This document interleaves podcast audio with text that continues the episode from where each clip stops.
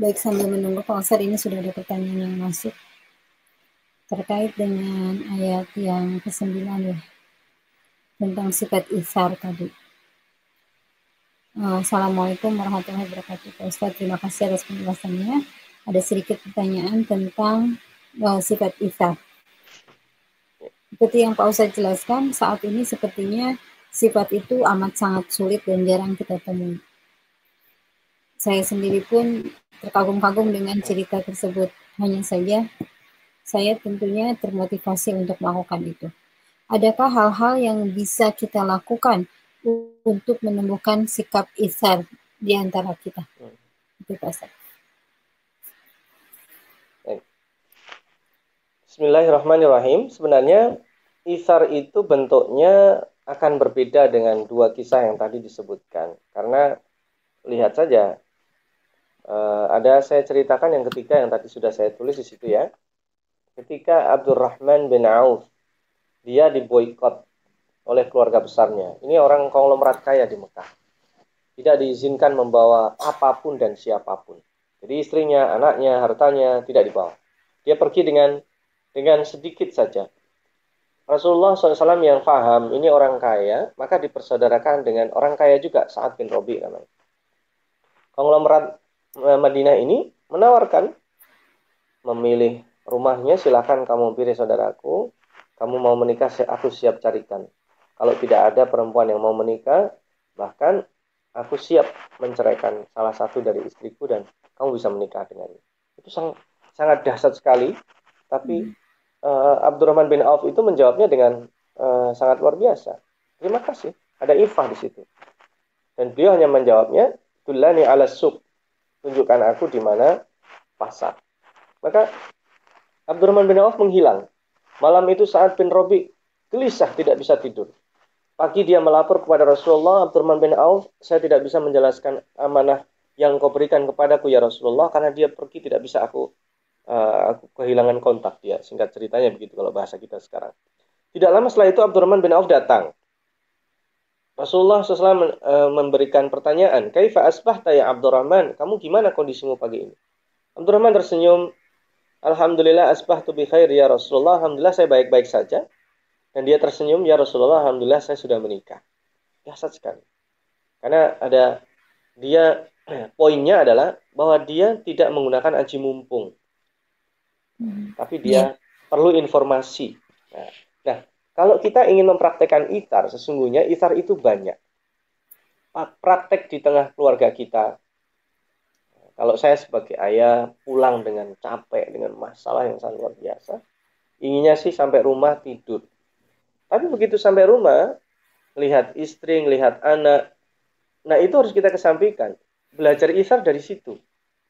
Jadi Istri juga demikian, dia sudah capek uh, seharian mungkin membersamai uh, anak-anaknya. Suami pulang itu ya inginnya gantian dong. Tapi ternyata, oh kasihan suamiku, dia masalah sudah banyak. Jadi masing-masing orang itu mendahulukan orang lain, alangkah indahnya. Tetapi ini teori ya. Kalau dalam kondisi normal sih oke-oke aja. Faktanya akan sulit terjadi. Anak juga demikian. Nah, keluarga yang dibina dari sisi maklumat dan informasi isar ini akan sangat dahsyat. Karena itu Allah Subhanahu wa taala menjanjikan yang luar biasa. Man dzalladzi yuqridullaha qardan hasana. Siapa yang mau minjemin Allah, maka Allah akan berikan pahala yang berlipat. Makna minjemin itu bukan berarti ini terkait pinjam meminjam. Maksudnya zakat sudah diwajibin, sunahkan infak sedekah. Ada proyek kebaikan masih banyak lagi Artinya begini, kalau ada orang minta bantuan dan saya punya potensi membantu, ternyata hari itu tidak ada. Udah saya pinjam aja. Orang lain taunya yang minjem uang saya. Tapi padahal saya pinjam uang untuk saya kasih orang lain. Nah itu salah satu bentuk itar dengan ukur-ukuran manajemen lah istilahnya. Bukan berarti nanti memotivasi uh, kaum muslimat di sana untuk memperbanyak pinjaman bukan tapi itu salah satu jenis oh saya insya Allah dengan dengan uh, ukur-ukuran ini saya mampu membayar itu maka sementara saya pinjam dulu saya kasih orang ini itu salah satu jenis isar isar lain juga demikian ini isar lain adalah saat kita berada dalam satu komunitas, ya, kita udah capek. Nah, harusnya yang membersihkan itu orang lain. Tapi kemudian kita mampu. Nah, kita yang membersihkan. Nah, itu orang yang mendapat perlakuan itu akan sangat terasa dalam hatinya. Loh, harusnya saya yang bersihkan. Enggak, kalau saya bantu aja, ringan. Kecil-kecil aja. Jadi, kita jangan membayangkan iftar itu kita lakukan seperti yang dilakukan Ali bin Abi Thalib atau kemudian yang dilakukan lelaki Ansar. Jauh lah itu. Hari ini ada kayak begitu itu kayak uh, dari negeri dongeng yang tidak terjadi. Tapi hmm. iftar itu gampangnya adalah bahwa saya melakukan sesuatu yang sebenarnya itu saya perlukan tapi saya kasihkan orang lain karena ada orang lain yang lebih perlu dari saya. Gitu. Hmm. Eh, ukurannya begitu aja. Uh, ini enak ya makanan saya habisin tapi ternyata ada orang belum makan. Saya sebenarnya makan, tapi itu orang lebih lapar dari saya.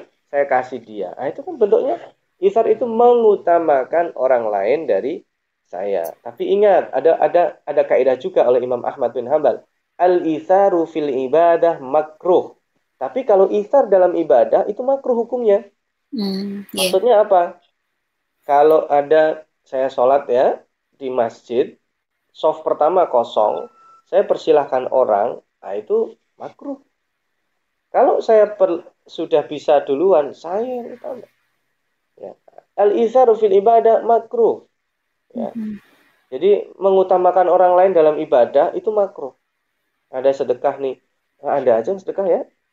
Tidak usah saya makruh. Saya sedekah dulu. Misalnya ada peluang nih tinggal satu nih.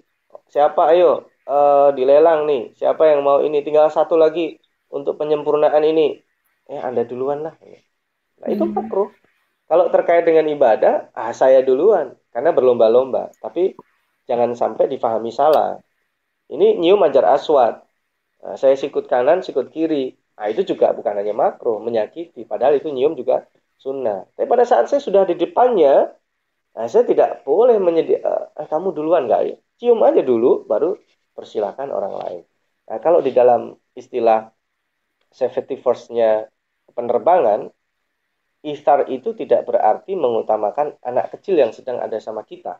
Itu hukumnya tidak boleh. Kalau begitu ada oksigen jatuh, aturannya kita dulu diselamatin, ya, baru kemudian uh, orang lain. Nggak boleh kan? Uh, kalau dalam penerbangan ya, saya berkali-kali dengar itu, itu benar sudah.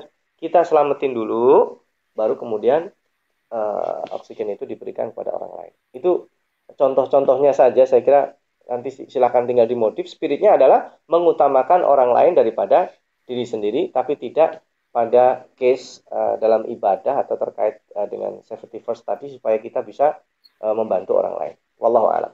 Hmm, Jadi bentuknya bisa apa saja, bisa dimulai dari hal-hal terkecil di sekitar kita ya Pak Ustaz. Ya. Insya Allah. Baik, ini Pak Ustaz masih ada kelanjutan dari pertanyaan tadi. Jadi beliau uh, kasusnya adalah ketika beliau menyatakan bahwa seorang suami yang menafkahi keluarganya itu kan juga adalah sedekah.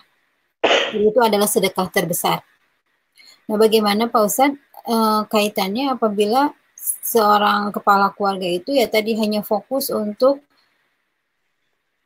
membelanjai dan membiayai keluarga karena berprinsip bahwa itu adalah sedekah yang paling utama dan dia tidak berusaha untuk melakukan sedekah kepada yang lain. Itu gimana Pak?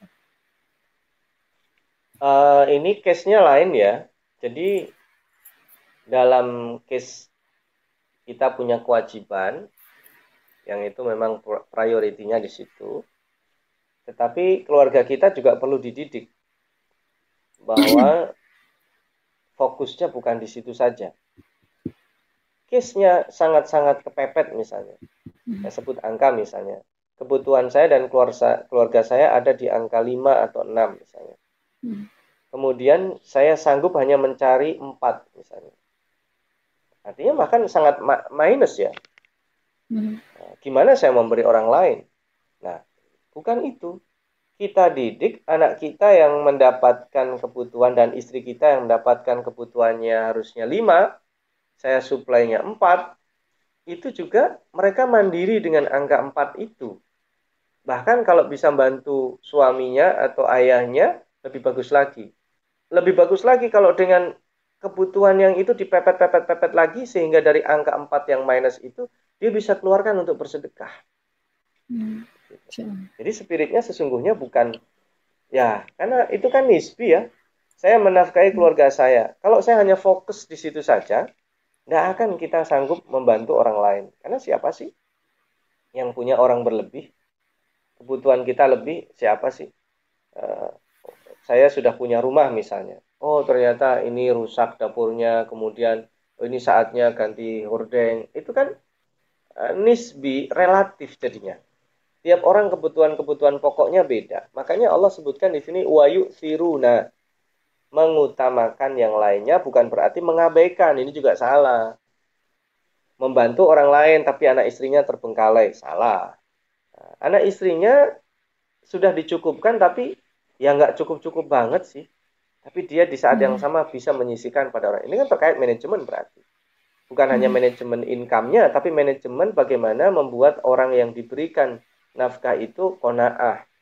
Cukup dengan segitu. Bukan bukan mengikuti kebutuhan oh saya kebutuhannya lima kamu harus join lima kalau bisa enam lebih bagus nah kebutuhan lima itu kan idealnya pada hmm. faktanya kita bisa kompromi oh ini yang paling mepet mepet mepet oh ternyata cuma dua oh masih ada bukan sisa kita sisakan untuk membantu orang karena itu keluarga yang baik adalah yang punya manajemen how to share bagaimana berbagi pada orang lain kita pergi ke rumah orang tua nggak usah muluk-muluk ya bawa roti yang harganya nggak murah. Orang tua suka bahwa ini kebiasaan anak kalau silaturahim dia ada yang dibawa. How to share-nya itu dapat. Kita hmm. silaturahim ke orang uh, bukan apa yang dibawa, tapi kebiasaan membawa. Ada orang datang ke rumah kita, kita suguhin. Nah itu juga sekalipun hanya air, tapi how to share-nya itu ada. Lihat tadi yang yang dijawab oleh Aisyah. Dia tidak mengatakan saya tidak punya apa-apa. Tapi dia menjawab, saya punya jamuan, cuman hanya air. Ya, ma indi ilama, nggak punya apa-apa kecuali air. Ya, air itu uh, artinya ada, tapi air itu hanya cukup untuk kita aja. Dan Rasulullah SAW eh, merasa tidak ingin mendolimi istrinya. Maka dia tawarkan, siapa yang mau menerima tamu saya malam ini. Itu juga hmm. gambaran dahsyatnya pendidikan kepada keluarga dan orang-orang yang ada di sekitarnya. Dan itu kan kalau saya sebagai rakyatnya, lo kok bisa pimpinan saya hanya punya air saja? Nah, itu kalau kisah itu dilanjutkan, ya setelah itu tidak mungkin Rasulullah dibiarkan. Pasti itu nanti uh, dia sebagai orang yang dipimpin terenyuh dan membantunya. Dan ini menandakan tiap orang-orang yang ada di dalam lingkungan yang sehat itu yang mengutamakan uh, orang lain. Ya ada ada spirit how to share kepada orang lain. Jadi di situ ininya poinnya. Wallahu a'lam. Ya, baik, alhamdulillah. Jazakallah khair Ustaz atas penjelasan dan juga motivasinya buat kita semua. Insya Allah mudah-mudahan tadi saya sedang bertanya bisa eh, mencerna dan juga insya Allah disampaikan mungkin ya dalam diskusi keluarga insya Allah. Baik Ustaz sekalian, saya masih menunggu pertanyaan yang masuk. Silahkan ya dituliskan. Uh, sementara saya ini ada sudah ada masuk lagi pertanyaan. Sebentar. Oh, ini. Baik. Beliau menyebutkan uh, di sini uh, melihat sifat-sifat orang munafik yang tadi Ustaz jelaskan amat sangat buruk gitu ya. Alhamdulillah.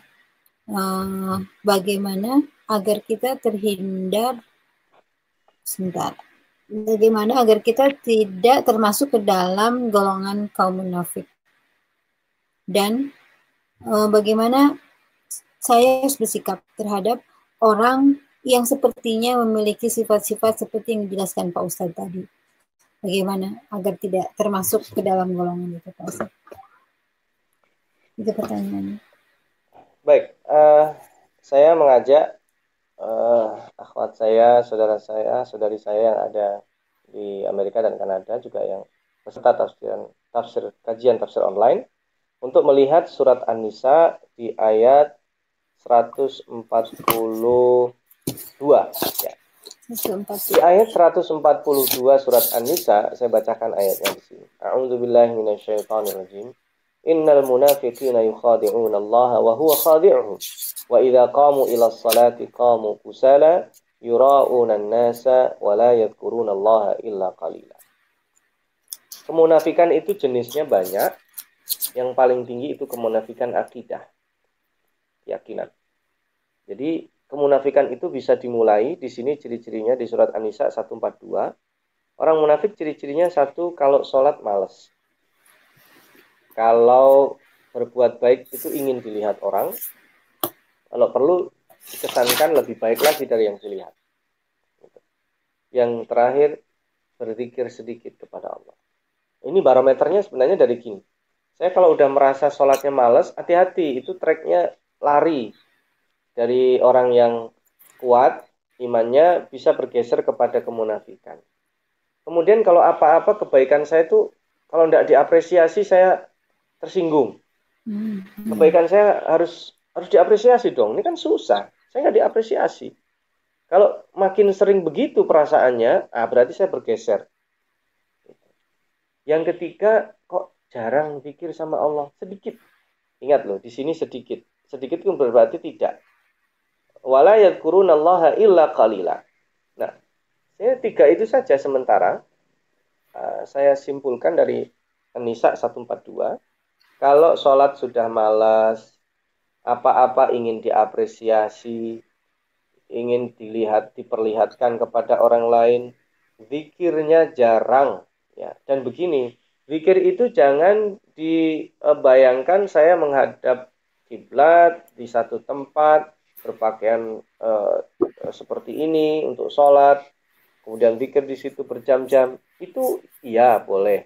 Tetapi sebenarnya zikir itu dilakukan kapan saja dalam surat Al-Anfal, "Idza laqitum fi'atan fasbutu wadhkurullaha katsira." Kalau kamu ketemu musuh di hadapanmu pada saat perang, tetap di situ disuruh zikir kepada Allah. Kalau di hari Jumat juga demikian. Ya ayyuhalladzina amanu idza nudiya lis-salati min yaumil jum'ah fas'au ila dzikrillah di hari Jumat wadarul baik artinya sedang aktivitas jual beli aktivitas ekonomi zikir supaya jual belinya itu berkah dan supaya tetap ingat Allah kalau ada adzan bisa ditinggalkan langsung sholat. Terutama di hari Jumat. Artinya beraktivitas apa saja? Saya sebagai guru sebagai lawyer sebagai seniman sebagai ekonom sebagai uh, orang di militer zikir. Karena kalau zikirnya sedikit bergeser ya. kalau zikirnya sedikit apa-apa ingin diapresiasi. Kalau itu terjadi berakibat sholatnya menjadi malas. Jadi itu timbal balik ya. Orang yang sholatnya malas ingin diapresiasi, zikirnya dikit. Sebaliknya, mulai juga orang yang mulai zikirnya jarang, dikit, maka apa-apa ingin diapresiasi dan berakibat sholatnya menjadi tidak berkualitas. Hmm. Itu singkatnya, ada banyak sebenarnya, tetapi di 142 surat An-Nisa itu eh, ciri-ciri uh, untuk bukan untuk orang lain ya, karena ini yang tahu diri sendiri. Hmm. Nah, dari mana kita tahu orang itu dikirnya sedikit, dia ria, ya, sholatnya malas. Jadi semua jenis kemunafikan itu diperuntukkan untuk diri sendiri, tidak untuk melihat orang lain. Jadi, oh. Itu prinsipnya ya. Wallahu a'lam. Oh, jadi ini yang ciri-ciri saya sampaikan di ayat 142 surat Anisa itu untuk diri sendiri ya Ustaz? Ya, uh, semua jenis kemunafikan disebut oleh Rasulullah SAW ataupun di dalam Al-Quran itu pendekatannya selalu introspektif. Hmm. Termasuk keburukan yang tadi disebut, itu klimaknya. Kalau nanti sudah terjadi, orang-orang munafik itu eh, akan terlihat, tapi tidak bisa dibuktikan. Makanya tidak disebut namanya. Dalam kenapa kita bertanya-tanya, ada nama sahabat si fulan, si fulan, si fulan. Tapi kalau ada nama orang munafik, itu Hudzaifah yang tahu marah kalau ditanya. Yang nanya Umar lagi sekali per itu. Jadi kita hanya tahu satu nama saja, Abdullah bin Ubay bin Salim. Sisanya tidak diketahui. Karena orang-orang munafik itu ketahuan ciri-cirinya. Kalau udah keterlaluan, ketahuan. Tetapi kita nggak bisa ngebuktiin. Orang hmm. munafik itu selalu lepas dari jerat-jerat hukum. Pada kasus Aisyah difitnah, selingkuh dengan Sofwan bin Mu'attal dalam surat An-Nur. Ya, yang mulai Abdullah bin Ubay mengemukakan isu tapi kemudian yang terkena hukuman cambuk justru orang lain korbannya. Ini kan yang dirugikan orang Yahudi. Sementara orang Yahudi membalas itu Abdullah bin Ubay yang menjanjikan seribu itu atau dia hmm. melapor kepada Rasulullah, buktinya nggak ada. Hmm. Nah itu yang seburuk-buruknya orang munafik itu, karena dia agamanya itu kepentingan dan keuntungan untuk dirinya. Wallahu a'lam. Ini pertanyaan dari saya, Pak Jadi sebetulnya seperti fenomena akhir-akhir ini ya, yang mungkin marak sejak kasus penistaan agama itu saya lihat banyak sekali orang saling melabeli bahwa si Anu munafikun gitu. Itu tuh kurang tepat ya Pak Ustadz ya? Sebenarnya dihindari kita melabeli orang lain dengan kemunafikan. Kemunafikan itu eh, jelas. Kalau dalam rangka strateginya untuk menghindari itu cukup tidak perlu dipublish kan? Artinya kita tahu si Fulan kok ciri-cirinya dia sering ngebelain ini ini ini. Ya udah, di level kebijakan kalau ada apa-apa keputusan strategis tidak usah dilibatkan orang kayak begitu. Hmm. Tapi kemudian kita labeli dia sebagai munafik itu berat karena kemunafikan yang disebut di dalam Al-Qur'an itu buruk karena menjadi ikhwanul kafirin ya. Hmm. Alam tara ila ladina nafaqu yaquluna li ikhwanihim alladina kafir. Artinya mereka kafir. Jangan kita juluki saudara kita itu sebagai kafir dalam hal-hal yang terkait dengan kebijakan strategis, orang seperti ini tidak perlu dilibatkan. Tapi mereka tidak bisa dijerat hukum. Rasulullah Shallallahu Alaihi Wasallam sendiri, ya sampai anaknya menghadap. Abdullah bin Ubay itu punya anak namanya Abdullah juga. Abdullah bin Abdullah bin Ubay. Ya Rasulullah, jika engkau perintahkan aku, akan aku bunuh ayahku. Jangan kau hmm. perintahkan orang selain diriku. Itu dia ngadap Rasul. Saya ya Rasulullah siap membunuh ayahku. Tapi Rasulullah SAW mengatakan, apa kata dunia nanti? Muhammad membunuh sahabatnya. Karena tidak bisa dijerat hukum. Tidak bisa. Orang munafik itu sulit untuk dijerat dengan hukum. Karena dia bermain di dua kaki itu. Ikut sholat, sholat. Tapi tadi, kusala, males. Apa aja ingin diapresiasi. Dikirnya juga nggak banyak. Gitu. Tapi ini sulit diketahui. Kecuali yang melakukan. Ini Allah ingin ingin supaya kita ini bersih dari kemunafikan, bukan untuk orang lain. Hmm. Pada faktanya nanti ada orang-orang yang seperti itu, nah kita cukuplah orang-orang seperti ini tidak usahlah dilibatkan ya, dalam keputusan strategis. Tapi untuk melabeli sebagai munafik, sebaiknya kalau menurut hemat saya jangan dilakukan. Karena melabeli munafik sama dengan melabeli orang itu kafir ya. Tapi sudah menjadi bahasa ya. Munafik itu yeah, dalam bahasa yeah. Indonesia ya hipokrit ya istilahnya. Ya, hipokrit ya. ya. Dikit-dikit ya. munafik loh misalnya termasuk dalam ini misalnya saya ya komen gitu ya dasar orang munafik gitu Masya Allah. Kayaknya ya. seperti hal yang mudah disampaikan. Iya, sebaiknya di, dihindari saja, sebaiknya dihindari penyebutan itu. Ya, sekarang insya Allah oh. mungkin kita tahu ya konsekuensinya dari pengucapan itu ternyata itu selevel dengan kafir insya Allah. Padahal mereka masih saudara kita. Baik, Alhamdulillah. Jazakallah khairan Pak Ustaz atas penjelasannya. Ini masih terkait dengan munafik Pak Ini ada pertanyaan, beliau me, terkait dengan munafik, beliau menyampaikan ada hadis ya. Uh, hadis riwayat Abdullah bin Amr radhiyallahu anhu ia berkata Rasulullah SAW pernah bersabda ada empat sifat yang dimiliki um, maka pemiliknya adalah munafik murni. Dan barang siapa yang memiliki salah satu di antara empat tersebut itu berarti dia telah menyimpan satu tabiat munafik sampai ia tinggalkan yaitu apabila berbicara dia berbohong, apabila dipercaya dia berkhianat, apabila berjanji ia mengingkari dan apabila bertikai dia berbuat curang. Ya. Itu kitab Sahih Muslim. Nah, pertanyaannya terkait dengan tadi disebutkan bahwa empat ciri itu dan bila salah satu saja kita mempunyai sifat demikian, maka kita termasuk di dalamnya kaitannya ini dengan uh, larangan menyolatkan jenazah orang munafik. Nah, bagaimana kalau kita menghadapi orang yang memiliki salah satu ciri tersebut? Ya, mungkin seperti kehidupan sekarang Pak Ustadz, bohong biasa gitu ya, ingkar janji itu juga bukan hal-hal yang jarang tidak dilakukan. Nah, apakah kita termasuk berdosa kalau kita ikut menyolatkan jenazah mereka? Itu pertanyaannya Pak Ustadz. Ya, ini terkait dengan fikih interaksi ya. Jadi kalau menyolatkan orang, menurut hemat Al-Fakir, dikedepankan uh, sisi husnudzonnya. Jadi seburuk apa pun orang itu, kalau menurut Al-Fakir, selama dia bersyahadat, kita sholatkan orang itu. Nanti kalau kita diprotes, in case diprotes nantinya sama Allah, ya kita hanya melihat uh, secara dohir. Karena kita tidak tahu sesungguhnya yang dia lakukan itu motivasinya apa. Ya, jadi Al-Fakir lebih memprinsipkan itu. Kecuali orang itu memang betul-betul diketahui sudah murtad atau oh, sangat-sangat-sangat berkhianat kepada uh, umat Islam dalam jelas yang tidak bisa di ada alibi lain gitu baru kita boleh tidak menyolati jadi prinsipnya di situ yang kedua ciri-ciri munafik itu bukan hanya di hadis saja di Quran itu tersebar banyak sekali dalam surat Al-Baqarah saja pembahasan tentang orang beriman lima ayat, orang kafir yang cuma satu dua ayat, sisanya munafik. Kemunafikan itu ada.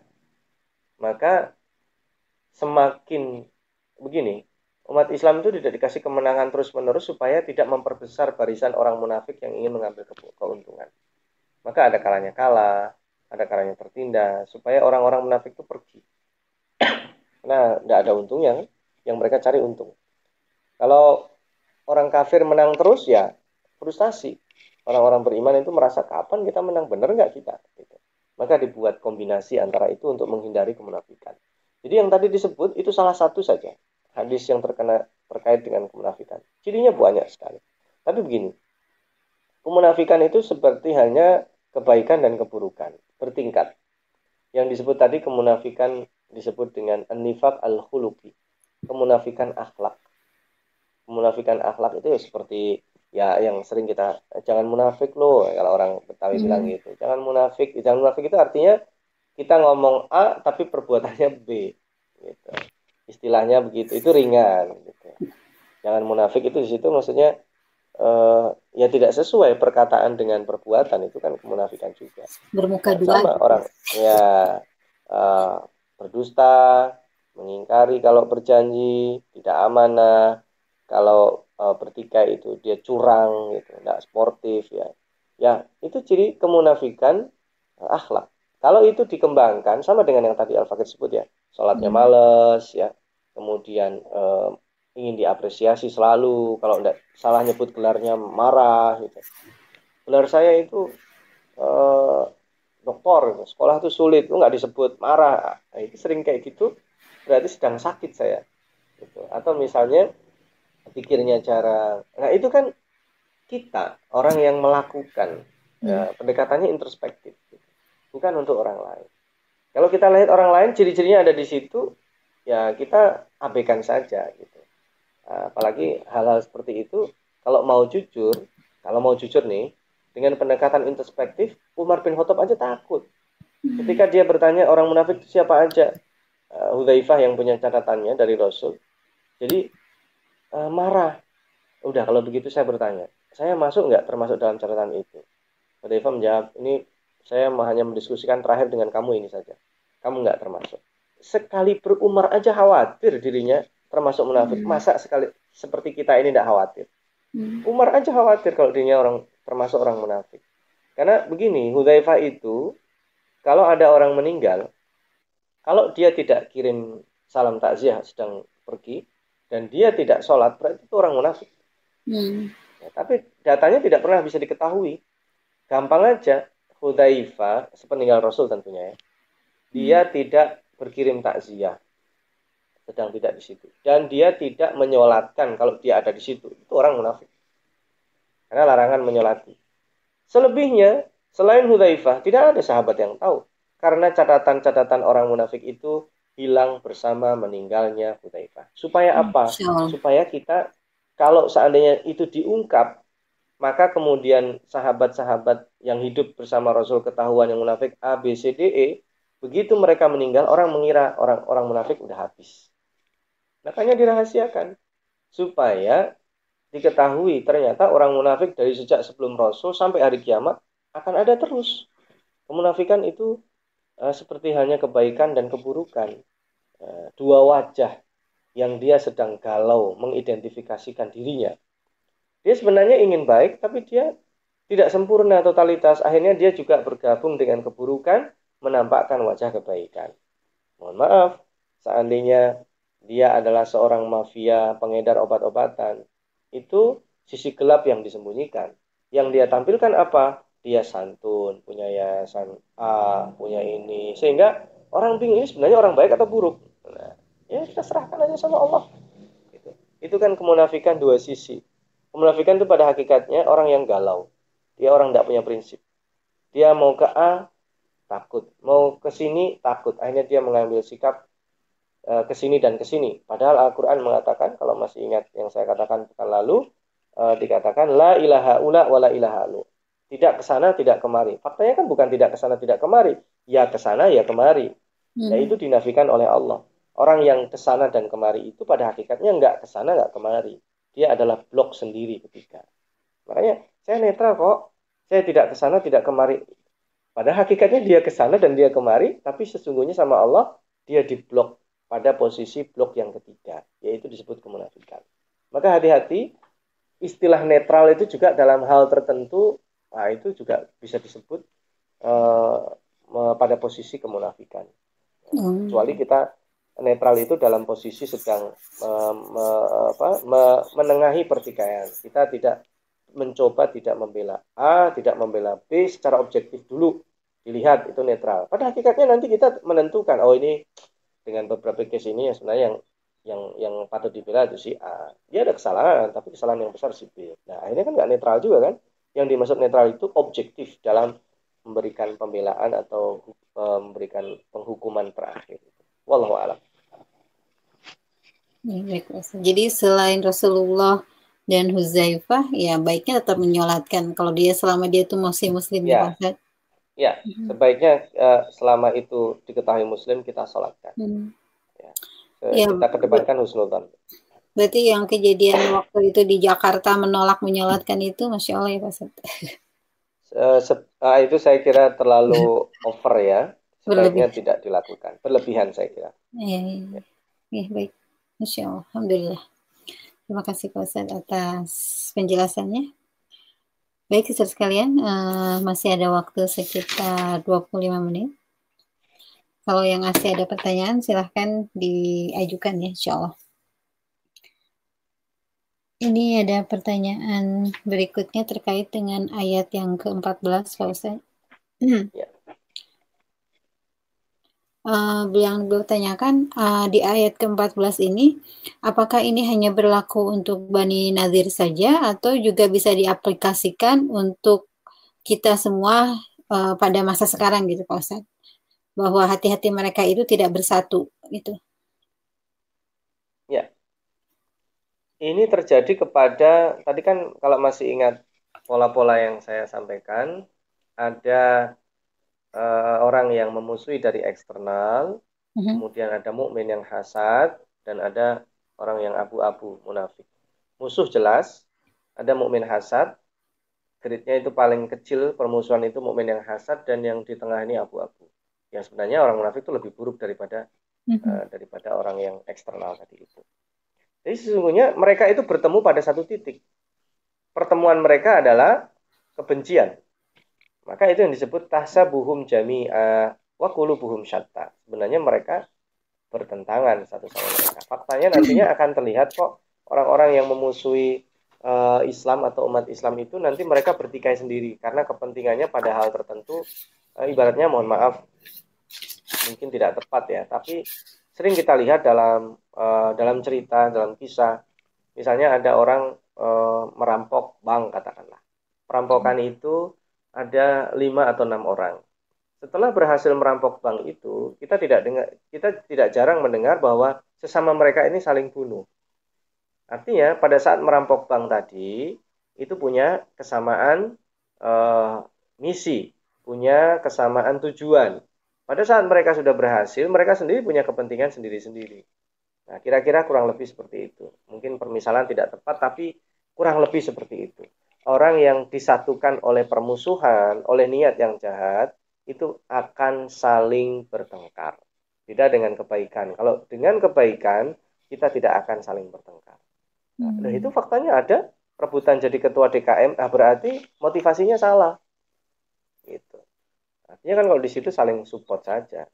Ya, enggak normal berarti kalau di situ jadi ketua DKM masjid sampai uh, intrik-intrik politik kotor seperti halnya yang terjadi pada pemilihan uh, bupati, wali kota, gubernur dan sebagainya ya berarti ada intrik-intrik kotor yang yang uh, yang ada dalam dirinya berarti. Nggak normal berarti. Um, normalnya tidak tidak demikian kalau untuk kebaikan. Kalau untuk keburukan disatukan tapi hakikatnya mereka bercerai-berai. Kalau untuk kebaikan insya Allah tidak terjadi. Wallahu a'lam. Hmm, baik. baik, Terima kasih Pak Ustadz. Ini Pak Ustadz ada yang menanyakan kembali, mohon penjelasan tadi Pak Ustadz menyebutkan uh, ragam kemunafikan ya. Ada kemunafikan akidah, kemunafikan akhlak, dan ada itu hanya dua itu Pak Ustadz atau ada lagi jenis yang lain? Ya, kemunafikan itu ada yang menyebutnya menjadi dua, kemunafikan akhlak dan akidah. Ada yang menambahkannya tiga. Jadi an-nifaq al-khuluqi, an-nifaq al-fi'li, nifaq al-aqid. Ada yang menengahi antara akhlak dan akidah itu di tengah-tengahnya perilaku. Ya ada ya perilaku ya akhlak gitu. Jadi ada yang bilang dua, ada yang bilang tiga. Jadi perilaku itu misalnya saya menganjurkan orang sedekah, tapi saya tidak sedekah. Nah itu kan perilaku, kemunafikan perilaku. Saya menganjurkan orang sholat malam, tapi saya tidak sholat malam. Saya menganjurkan orang baca Al-Quran, tapi saya tidak baca Quran. Nah, itu juga jenis kemunafikan yang mungkin ringan kelihatannya, tapi kalau dipelihara, grade-nya akan naik terus dan menjadi pola hidup membahayakan akibatnya menjadi kemunafikan akidah. Akhirnya saya sebenarnya saya nggak beriman sama Allah ini kan karena basa-basi aja. Bilang itu akidah sudah.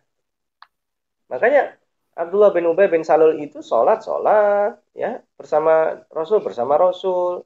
Tetapi dia memusuhi Rasul, menikam Rasul berkali-kali dia bukan hanya pada kasus Aisyah, pada kasus Bani Nadir ini. Pada banyak kasus disebutkan, dan itu yang dimaksud orangnya itu-itu juga. Gitu. Kenapa kok tidak tokoh yang lainnya? Karena Allah ingin melindungi. Dan lihat kalau uh, ibu sekalian masih di ayat yang tadi itu ya, itu kan berikutnya di ayat ke 145 Allah memberikan fonis ya. Innal munafiqina fit tarkil asfali minan nar orang munafik itu paling buruk, maka nerakanya paling bawah. Lebih buruk daripada orang kafir yang memusuhi tadi itu. Terkil asfali minan Berarti kan dahsyat itu. Tapi jangan berhenti di ayat itu. Lihat ayat 146-nya. Allah membuka peluang kok. Illalladzina tabu wa aslahu. Ternyata orang yang difonis buruk, paling buruk itu Allah buka peluang kok, kecuali orang-orang yang bertaubat. Faktanya beginilah gampangnya. Seburuk-buruk orang itu, potensi kebaikannya tidak ditutup sama Allah. Maka kita juga jangan memfonis orang. Gampangnya beginilah, kalau benci sama orang, sebenci-bencinya kita, sisakan ruang untuk bisa mencintai dia sedikit saja. Dengan mendoakan. Seburuk-buruk orang. Dan memang ini agak sulit ya Oh, udah orang bencinya kayak apa, jangankan mendoakan. Hmm. Semuanya terlihat buruk. Padahal Allah tidak demikian. Orang yang difonis sama Allah fitar kil asfali minan nar di 145 Anisa, 145 dibuka peluang lagi sama Allah. Illalladzina tabu. Dan ada kata-kata wa aslahu berproses. Ya orang yang biasa berkata-kata kotor langsung disulap berkata-kata baik ya tidak bisa. Hmm. Berproses. Orang bertaubat itu berproses. Justru kita harus mendampingi orang itu. Ya ini kan mungkin bisa jadi kemunafikan karena memang habitnya dia, lingkungannya kayak begitu. Coba kita entaskan, kamu pindahlah jangan ke sana. Lama-lama ya namanya hati ya. Loh, kok faktanya nggak berubah juga ya? Yakin saya bisa berubah ada gitu. Nah, cuman bedanya kalau terkait dengan strategi itu sekali lagi strategi. Ini kan terkait dengan perubahan karakter menjadi orang lebih baik lagi nah itu cara. Rasulullah tidak pernah menerima uh, tidak pernah menolak orang-orang yang seburuk apa pun. Yang sudah Al-Fatih ceritakan di berbagai uh, kesempatan ya. Orang Badui yang yang kayak begitu yang sampai mengotori masjid dengan air seninya tetap diterima dan akhirnya dia berubah. Orang yang mengatakan juga ya Rasulullah izinkan aku berzina. Wah itu sahabat sudah marah itu, tapi tetap diterima dan dikasih tahu analognya bagaimana supaya meninggalkan zina. Ada yang mengatakan ya Rasulullah, saya bisa uh, tidak bisa meninggalkan kebiasaan buruk saja saya. Rasulullah tersenyum dan ya udah nggak apa-apa, tapi saya mohon kamu jujur ya. Akhirnya kan setiap ketemu kamu masih minum, kamu masih ini, masih ini, masih ini. Lama-lama kan dia malu. Nah, Rasul kan ingin satu aja jujur. Maka kemudian dengan karakter jujur itu, kebiasaan buruknya bisa direduksi dan kemudian hilang. Jadi sesungguhnya tidak ada orang yang tidak punya potensi kebaikan yang bisa di, di create atau dioptimalkan untuk menutup potensi kemunafikan atau keburukan. Saya ikut manhab ini, eh, kemunafikan itu bisa disembuhkan, termasuk kemunafikan diri kita sendiri. Wallahu a'lam. Hmm, Insya Allah. Baik, Ustaz. Alhamdulillah. Jazakallah Pak Ustaz. Ya, ini terkait dengan ini Pak ada pertanyaan tentang Abdullah bin Ubay bin Salul. Uh, kalau saya itu kan pernah membaca sejarah, Allah mohon dikoreksi kalau salah Pak Ustaz. Jadi pertanyaan dari saya, kalau tidak salah kan pada akhir hayatnya Abdullah eh, bin Ubay bin Salul itu ketika meninggal Rasulullah menyolatkannya ya Ustaz? Ya, itu tolong ada ayat, eh, ada misalnya mungkin kisahnya dijelaskan kenapa Rasulullah hmm. sudah tahu beliau itu ya tadi bapaknya kemunafikan tetap melakukan itu? Pak Ustaz mungkin minta tolong dijelaskan. Ya uh, terkait dengan dengan Rasulullah Shallallahu Alaihi Wasallam yang menyolatkan uh, Abdullah bin Ubay bin Salul kan ada larangan ya la takum ala qabrihi wala tusalli ala ahadi minhum ya. Jadi jangan jangan kamu doakan di atas kuburan mereka dan jangan kamu sholati mereka. Itu teguran setelah Rasulullah SAW menyolatkan Abdullah bin Ubay. Karena oh, okay. Abdullah bin Ubay bin Salul itu ketika meninggal uh, dia punya permintaan minta diselimuti dengan apa namanya yang sering dipakai sholat Rasul itu rida atau uh, sorban ya yang dipakai di sini ya. Bukan pakaiannya tapi yang sering dipakai Rasul itu uh, sorbannya ya. Lalu para sahabat menolak itu. Uh, tidak mau karena ini orang sering menyakiti Rasul sering berbuat buruk. Kata Rasulullah uh, tidakkah ada kamu menyisakan rasa rahmat di hatimu karena ini adalah terakhir kesempatan dia mendapatkan kasih sayang. Setelah itu dia akan bertemu dengan neraka. Ya, jadi hmm, luar biasa Rasulullah ya. Jadi hmm. eh, dominan rasa sayangnya karena tahu ini orang akan berada di neraka selama-lamanya setelah itu. Maka dia tetap diselimuti setelah itu, kemudian dia sholatkan. Kan kalau di dalam Al-Quran, intas takfirna lahum sab'ina marratan fala. Seandainya engkau minta ampunkan 70 kali, itu kan angka 70 bukan angka eksak. Mau sampai hmm. istilahnya ibarat kata bibir doer kita minta ampun kepada Allah nggak diampuni, tetap Rasulullah minta ampunan. Jadi sebenarnya larangan itu bukan larangan untuk uh, kita tidak menyolatkan orang munafik yang sebenarnya masih abu-abu. Uh, prinsipnya kalau al-fakir sih uh, selama dia bersahadat, dia mendapatkan hak untuk kita doakan dan kita sholatkan. Karena beberapa hal tempo hari ya ada juga yang menolak. Orang ini tidak pernah mau sholat, ya, e, mabuk, berjudi. Misalnya ini sumber hidupnya jelek aja. Hmm. Nah, ketika mau disolatkan, e, menolak orang. Ya, supaya kita nggak kena dosanya meninggalkan hak e, menyolatkan orang muslim. Ya kalau kita yakin, seyakin yakinnya dia bersahadat, ya kita sholatkan.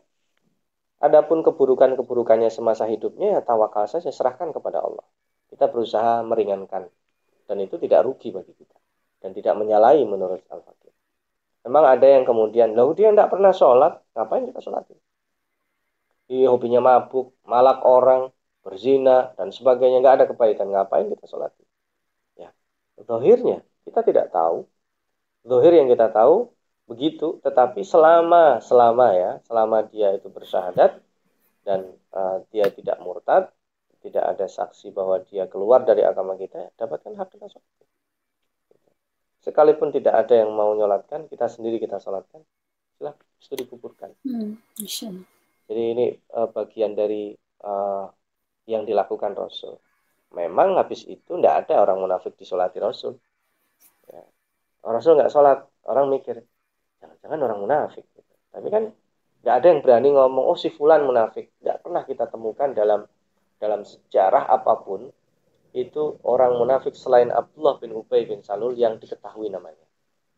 Ya karena itu supaya orang aware kemunafikan itu bisa menimpa siapa saja dan ada di sepanjang masa. Gitu. Ya. Ini untuk untuk penjagaan supaya kita tidak jadi orang munafik itu lebih tepat ya. Hmm. Wallahu alam. Mungkin kira-kira begitu. Ya, Masya Allah. Baik, bisa sekalian, nah, demikian tadi ya jawaban dari Pak tentang inti dari bahasan tafsir Quran Surat Al-Hasyr bagian kedua ini. Masih ada waktu sekitar 9 menit. Kalau masih ada pertanyaan, silahkan. Di saya sudah tidak ada pertanyaan. Lagi ini, tumben, biasanya banyak. Baik, Pak mungkin kalau tidak ada pertanyaan, Pak bisa menyampaikan closing statement sekaligus mendoakan kita semua agar terhindar dari sifat kemunafikan itu, Ustaz. Baik, uh, saya hanya memberikan uh, rujukan yang tadi saya, terakhir saya sampaikan. Eh, pohon, itu ada di... Afan Pak Ustaz, sebentar. Ini ada yang ada pertanyaan baru masuk. Katanya minta tolong dijelaskan tentang real. Oh, baik. Ya. Sebelum menjelaskan tentang ghil, uh, tadi yang saya sampaikan ada di surah At-Taubah ayat 80 ya. Uh, 80, 81, 82 dan seterusnya. Jadi seandainya kamu minta ampun kepada Allah 70 kali, Allah hmm. nggak akan mengampuni mereka. Ya. Uh, dan seterusnya itu terkait dengan kemunafikan. Di surat At-Taubah itu banyak menceritakan tentang itu.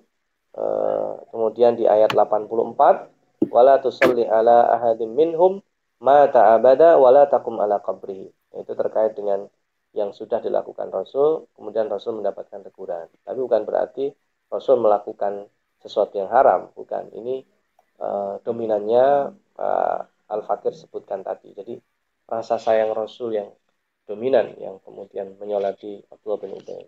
Setelah itu tidak ada sahabat diketahui si fulan munafik, si fulan tidak munafik. Itu ya poinnya. Hmm. Sebagai rujukan saja nanti bisa dirujuk At-Taubah 80 sampai uh, saya kira 85 ya. Dan seterusnya. Nah, terkait dengan ghil, ghil itu perasaan tidak enak dalam hati. Sebisa mungkin kita hilangkan. Contoh misalnya, kok saya tadi dikata-katain begitu sih? Padahal sebenarnya saya tidak ada niat. Jadi begini, saya punya niat baik sama dia. Kemudian membantu dia. Kemudian bantuan saya kok malah diterjemahkan penghinaan. Nah, itu kan kita dongkol itu. Nah, menyimpan kedongkolan atau kemarahan seperti itu, itu sudah termasuk gitu. Apalagi sampai kemudian perasaan yang lebih buruk dari itu yang basicnya hanya perkiraan itu lebih dari real suudon tajasus eh, hal-hal yang buruk yang ada dalam hati kita tentang saudara kita itu disebut dengan real apalagi sampai dendam. Awas kamu ya. Nanti kalau saya punya kesempatan akan aku balas eh, itu lebih buruk lagi itu disebut real maka real itu nanti terjemahan berikutnya bisa menjadi aksi e, membenci orang yang itu mengakibatkan sakit jantung secara fisik atau hati kita tidak sehat kalau itu non fisik karena disebutnya dua-duanya disebut kalb. Ya, fi kulubihim marat ya, di hatinya itu ada penyakit itu luas orang kalau hatinya ada penyakit sesuatu yang sedikit aja bisa melukai orang sehat nggak ada masalah tapi kalau ada orang sehat sakit dikit aja bisa melukai. Dalam etika pergaulan kan gitu. Kenapa seorang perempuan kalau berkata-kata di, dipesankan la tahdha'na fil qaul. Jangan melembut-lembutkan atau membuat-buat suara. Kenapa? Karena tidak semua orang laki-laki yang kamu ajak bicara itu hatinya sedang sehat. Kalau hatinya sedang sakit, klik kena bahaya. Ya, juga demikian, kita jangan tajasus, jangan mencari tahu e, tentang kekurangan saudara kita. Kalau hati sedang sakit, itu bisa buruk. Karena kalau saya tahu kekurangan saudara saya, hatinya sedang sehat nggak ada masalah. Kita memaklumi, tapi kalau hati sedang sakit, kekurangan saudara kita jadi gil. Ya, orang ibarat kata begini, orang habis kecopetan, kemudian habis kecopetan dia dimarahi, kemudian dia ketimpa sayur panas lagi makan. Itu kan akumulasi-akumulasi fisik yang memperburuk suasana hati. Nah, itu berpotensi menjadi ghil. Ghil itu dimulainya dari ham. Ham itu masalah yang dipikirkan terus-menerus. Orang jadi sensitif. Ya, karena ketika sering ketemu orang, ini orang apa sih kok sensitif banget sih? Ya, ya kita maklumin saja. Maka ghil itu harus dilawan dengan salamatus sadr, dengan lapang dada. Lapang dada itu begini aja, gampangnya. Ya. Ngapain sih kita mikirin komentar orang? Loh, tapi ini menyakitkan. Lah menyakitkan kan nggak merugikan kita. Kita dikatain A, sementara kita tidak melakukan. Ya sudah, selama itu fitnahnya tidak uh, memperburuk nama baik kita, ya biarin aja. Kita disalahpahami, padahal kita ingin membantu kita membantu malah kemudian direpoti. Ya, itu kalau kita simpan itu berpotensi menjadi real. Maka real itu tidak bisa kita yang mengatur, itu suasana hati, mut-mutan kalau bahasa sekarang. Maka kita harus minta tolong sama Allah. Wala taja'al fi qulubina ghillan. Ya Allah jangan sampai ada perasaan tidak enak di hatiku. Hmm. Apalagi kalau sama istri, sama suami, itu kan sering terjadi ya. Hmm. Eh, dicemburuin istrinya. Akhirnya lo kok gitu saja dicemburuin akibatnya tersimpan jadi will ya atau sebaliknya uh, istrinya sudah menyiapkan sesuatu uh, kemudian ketika pulang malah tidak diapresiasi disuudoni itu kan sakit itu sang istri di, diperlakukan seperti itu. Nah kalau dia sedang sehat akan tersenyum saja. Itu jadi sedekah yang luar biasa. Maka sebenarnya pendidikan untuk will itu dimulai dari rumah sebenarnya. Dan itu sulit hmm. sulit. Al fakir harus harus akui sulit. Ketika kita bersuami berjuang mati-matian ternyata disalahpahami istri. Atau saya sebagai istri mengkhidmat sudah merasa maksimal ternyata hmm. tidak diapresiasi oleh suami demikian juga anak anak akan marah apa sih maunya bunda apa sih maunya ayah saya sudah maksimal tapi tuntutannya itu di luar kemampuan saya hmm. kalau rumah yang sudah seperti ini rawan karena gilnya ini sudah tidak terkontrol tapi kalau masing-masing gil memaklumi ini sudah maksimal kita apresiasi. Suami memaklumi istrinya, istri memaklumi suaminya. Cinta itu tumbuh di dalam rumah menjadi harmonis. Setan akan menangis dia, tidak sanggup untuk mencerai-berai. Kalau di dalam rumah udah kuat, dia sama tetangga nggak ada masalah. Ini orang keluarnya pagi, eh, malam pulang, pendapatannya gitu-gitu aja. Jen kok kok kamu mau sih bersuami kayak begitu? Nah, senyum aja, nggak usah dijelaskan. Kadang hmm. sulit menjelaskan itu. Sebaliknya uh, istrinya juga gitu. Kamu kok sabar sih tiap hari diomeli istri biangannya, senyum aja. Hmm. Nah, kamu tidak tahu kelebihan istriku. Nah, tidak tidak pada tempatnya saya menjelaskan kelebihan istri saya. Atau kemudian begini begini begini, ya tidak pada tempatnya mengetahui aib istri saya atau suami saya. Ada seorang ulama yang sangat luar biasa. Suatu ketika dia menceraikan istrinya. Murid-muridnya kaget bertanya, Ya Maulana, kenapa? Dia marah. Apa hak Anda mengetahui aib istri saya? Setelah selesai perceraian itu, kemudian ditanya lagi. Kami masih penasaran, apa yang menyebabkan Anda menceraikan suami saya? Eh, menyebabkan Anda menceraikan istri Anda. Loh, dia sekarang statusnya sebagai muslimah. Seperti hanya muslimah yang lainnya, kalau saya tahu aibnya, saya harus menjaga. Itu aib. Alangkah indahnya hidup kita kalau kita tahu aib saudara kita, kita keep. Apalagi itu adalah istri, anak, atau suami, kita keep. Nah, supaya tidak ada itu, maka belajar hil. Itu dihilangkan dengan doa tadi. Wala taja'al fi qulubina ya Allah, jangan sampai ini tempat yang sempit di dalam hatiku dipenuhi dengan rasa dendam, rasa tidak baik, prasangka yang buruk, ya, salah memahami, ya, maka salamatus sadr itu dimulai dengan terima kasih, dengan meminta maaf, dengan uh, dengan uh, apa? mengapresiasi dan itu uh, tidak jangan berarti diartikan kita tidak ada konflik. Ada konflik perbaiki. Ada masalah recovery. Insya Allah kalau di rumah ini sudah baik, grill itu akan menyebar terinspirasi masyarakat menjadi sehat. Wallahu a'lam itu poin saya kira yang saya sampaikan terkait dengan indahnya persaudaraan, kuatnya persaudaraan dan buruknya pengkhianatan. Wallahu a'lam. Ya, Masya Allah, luar biasa Pak Alhamdulillah. Jazakallah khairan kasih atas penjelasan ilmunya dan juga motivasi buat kami semua di sini untuk selalu berusaha menjadi lebih baik dan lebih baik lagi. Silakan Pak Ustadz uh, untuk menyampaikan closing statement sekaligus doa untuk kita semua di sini. Baik, uh, closing statement saya sederhana saja.